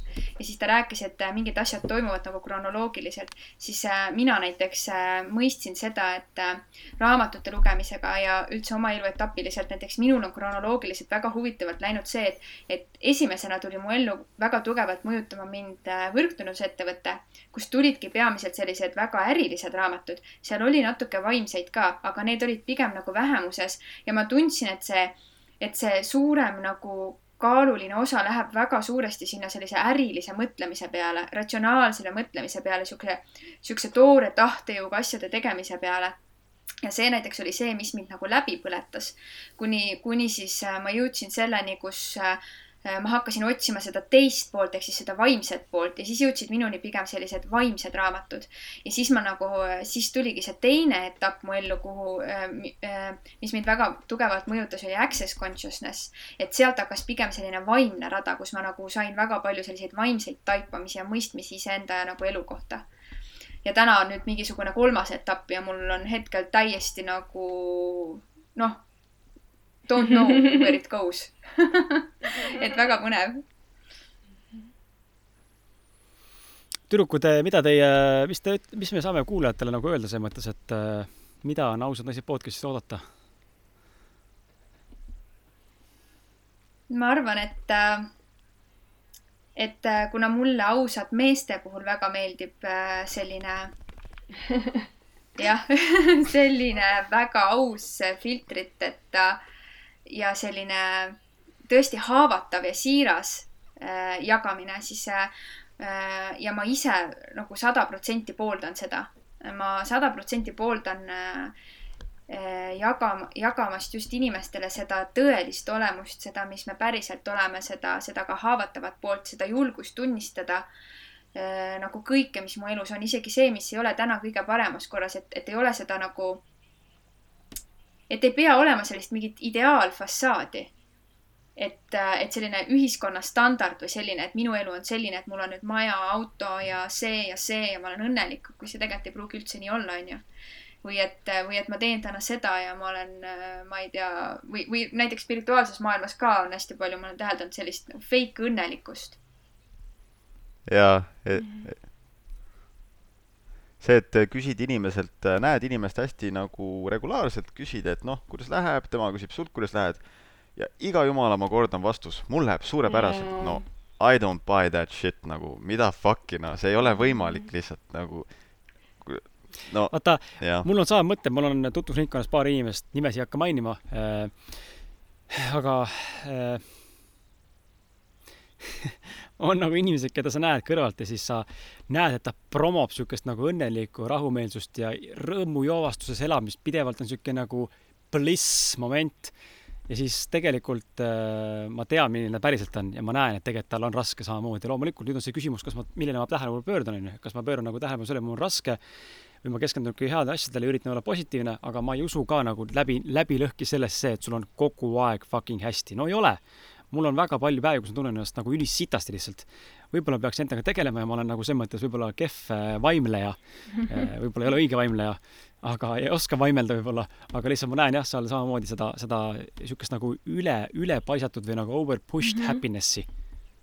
ja seda on hästi palju ja mul tuli kohe äh,, kui sa seda praegu jagasid, mul tuli kohe selline taipamine, et ma olen täheldanud seda, et et selline, kuidas ma ütlen, selline nagu fake õnnelikkus ja see, see oli jumala hea, kuidas sa ütlesid, vaimlemine, see on nagu, see on nagu see. see on Kaido Pajumaalt tulnud vist see termin.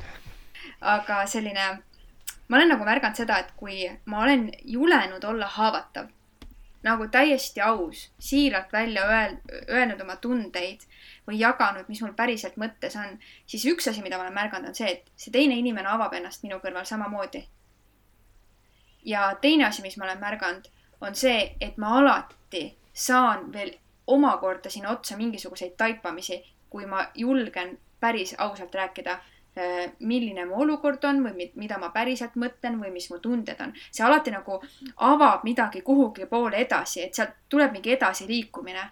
aga, aga kui ma nagu näen neid inimesi, kes suruvad nagu kogu selle asja, mis nende elus toimub, täielikult enda sisse ja kuskile alla, siis nad nagu jäävad nagu sinna kuskile sellisesse sitatünni sisse jumala kaua suplema, nad ei saa sealt välja, sest nad ei julge avada ennast.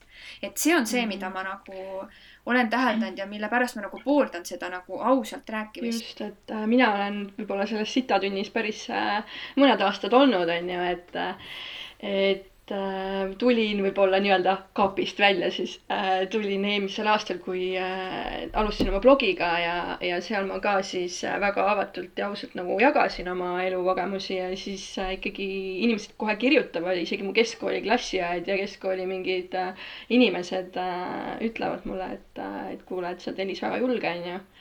et äh, ma ise pean ka enda nagu olemuseks siirust ja ma arvan, et seda me paljuski seal ausad naistes nagu edasi kannamegi. mind ka hästi kõnetab just see, et äh, kui me oleme ise siirad, ehedad ja me julgeme näidata enda haavatavust, siis sellega me anname loa ka teistele, kellega me suhtleme, olla haavatavad, olla siirad ja võtta see pinge maha, et me peame näitama end mingist küljest. just, ja see võib avada tõesti väga paljusid uksi nagu et sa kunagi ei tea. see uste avamine on hullult hea näide, et äh, ja suhetes ka, näiteks äh, mina olen täheldanud enda suhtes äh, või enda ütleme mehega suhetes seda, et, et kui ma olengi julgenud nagu siiralt, mis iganes läbi nutu, minul on üks kiiks, mida ma olen täheldanud.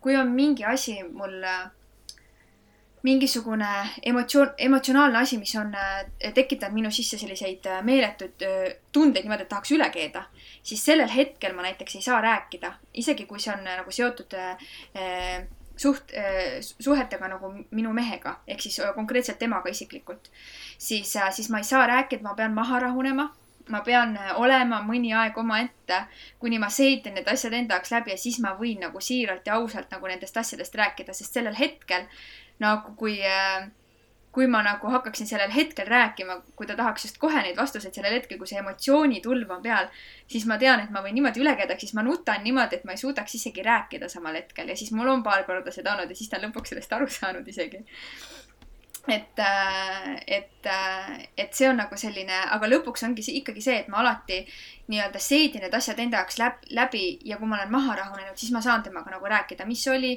miks ma nii tundsin, miks ma nagu neid asju niimoodi äh, nagu äh, kogesin ja nii edasi. et, äh, et see võtab nagu mõned asjad minu puhul näiteks võtavad aega, et ma ei saa kohe prauhti nii nüüd nipsust, et nüüd ma nüüd ausalt siiralt sulle räägin, kuidas ma tunnen.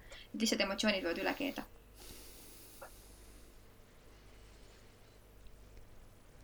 selline emotsionaalne, nagu ma olen jah, noh, ma võin enda puhul kõrvutada seda kohe sellega, et samamoodi kui näiteks äh, Anja midagi mulle väga teravalt ütleb ja see läheb mulle hinge, siis no seal nagu sellest niisugusest vaatlemisest, äh, kus ma vaatlen kõrvalt, mis minu sees toimub, sellest ei jää midagi alles.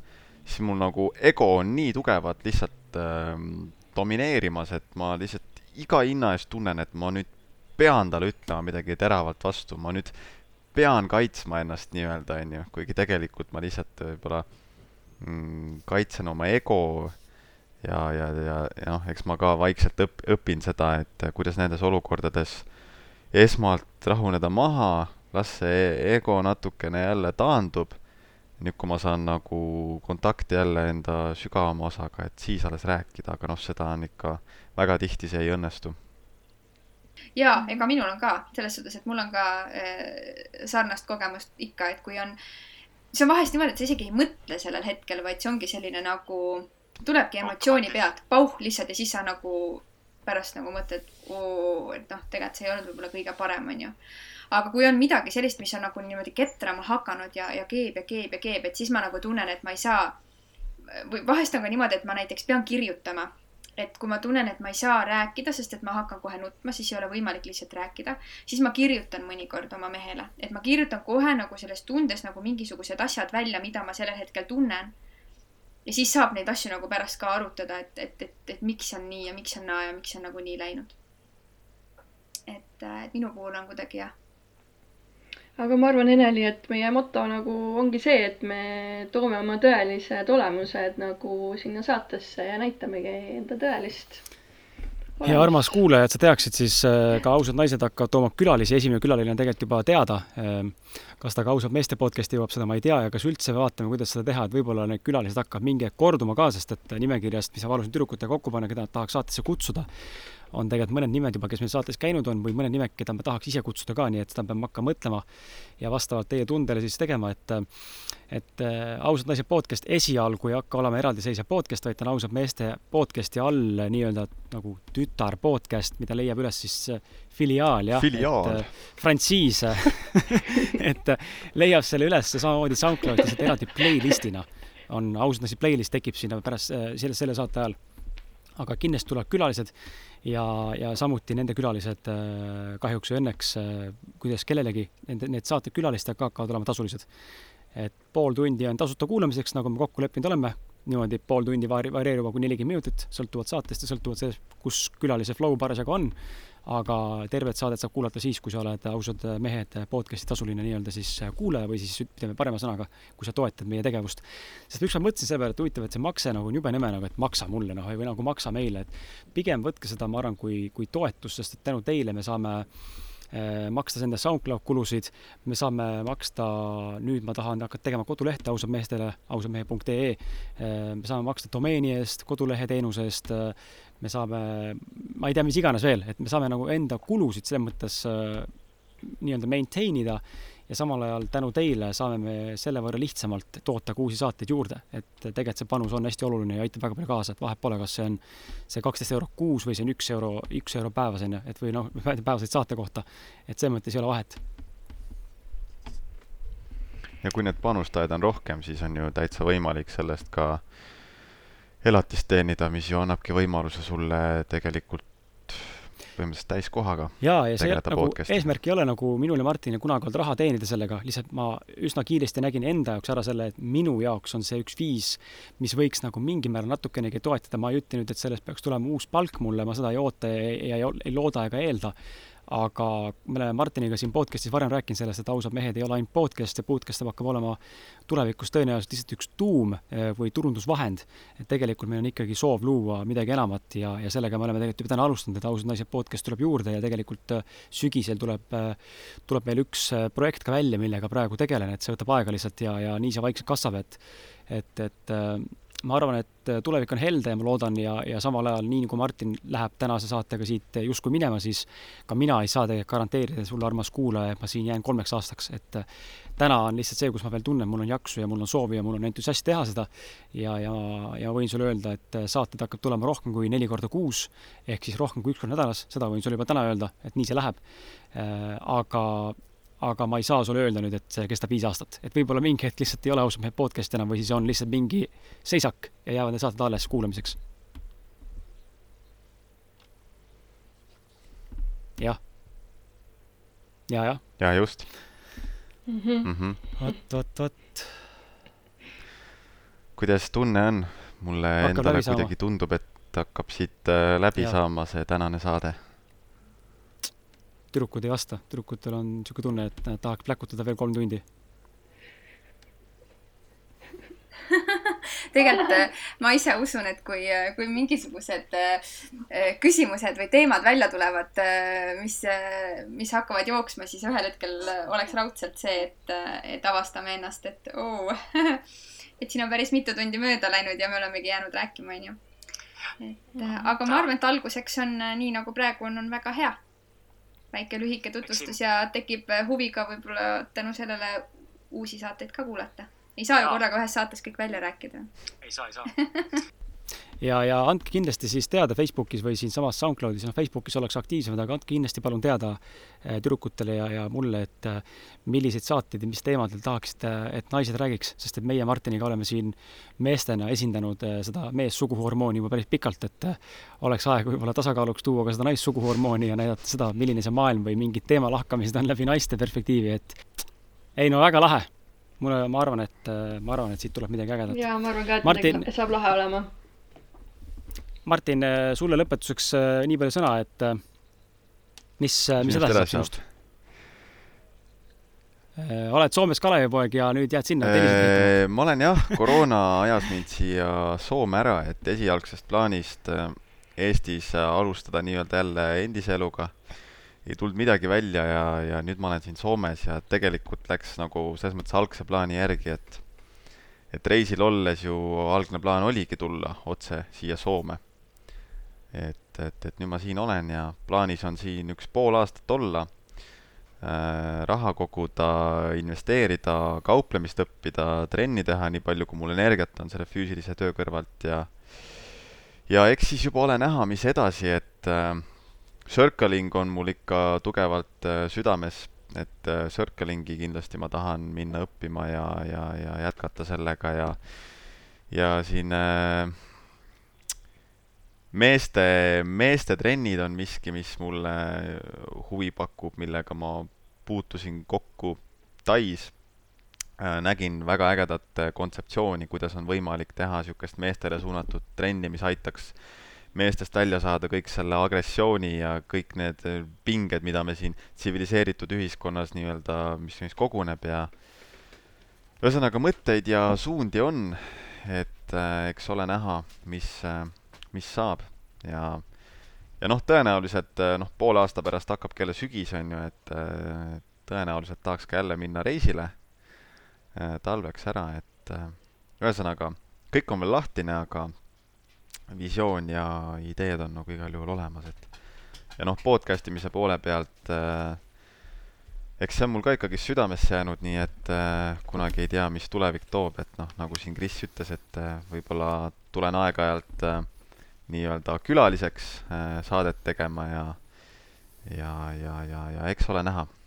et äh, hullud plaane ei ole nagu mõtet teha, et seda ikka elu näitab kogu aeg, et äh, tahad jumalat naerma ajada, siis äh, tee metsikuid plaane, onju. jah.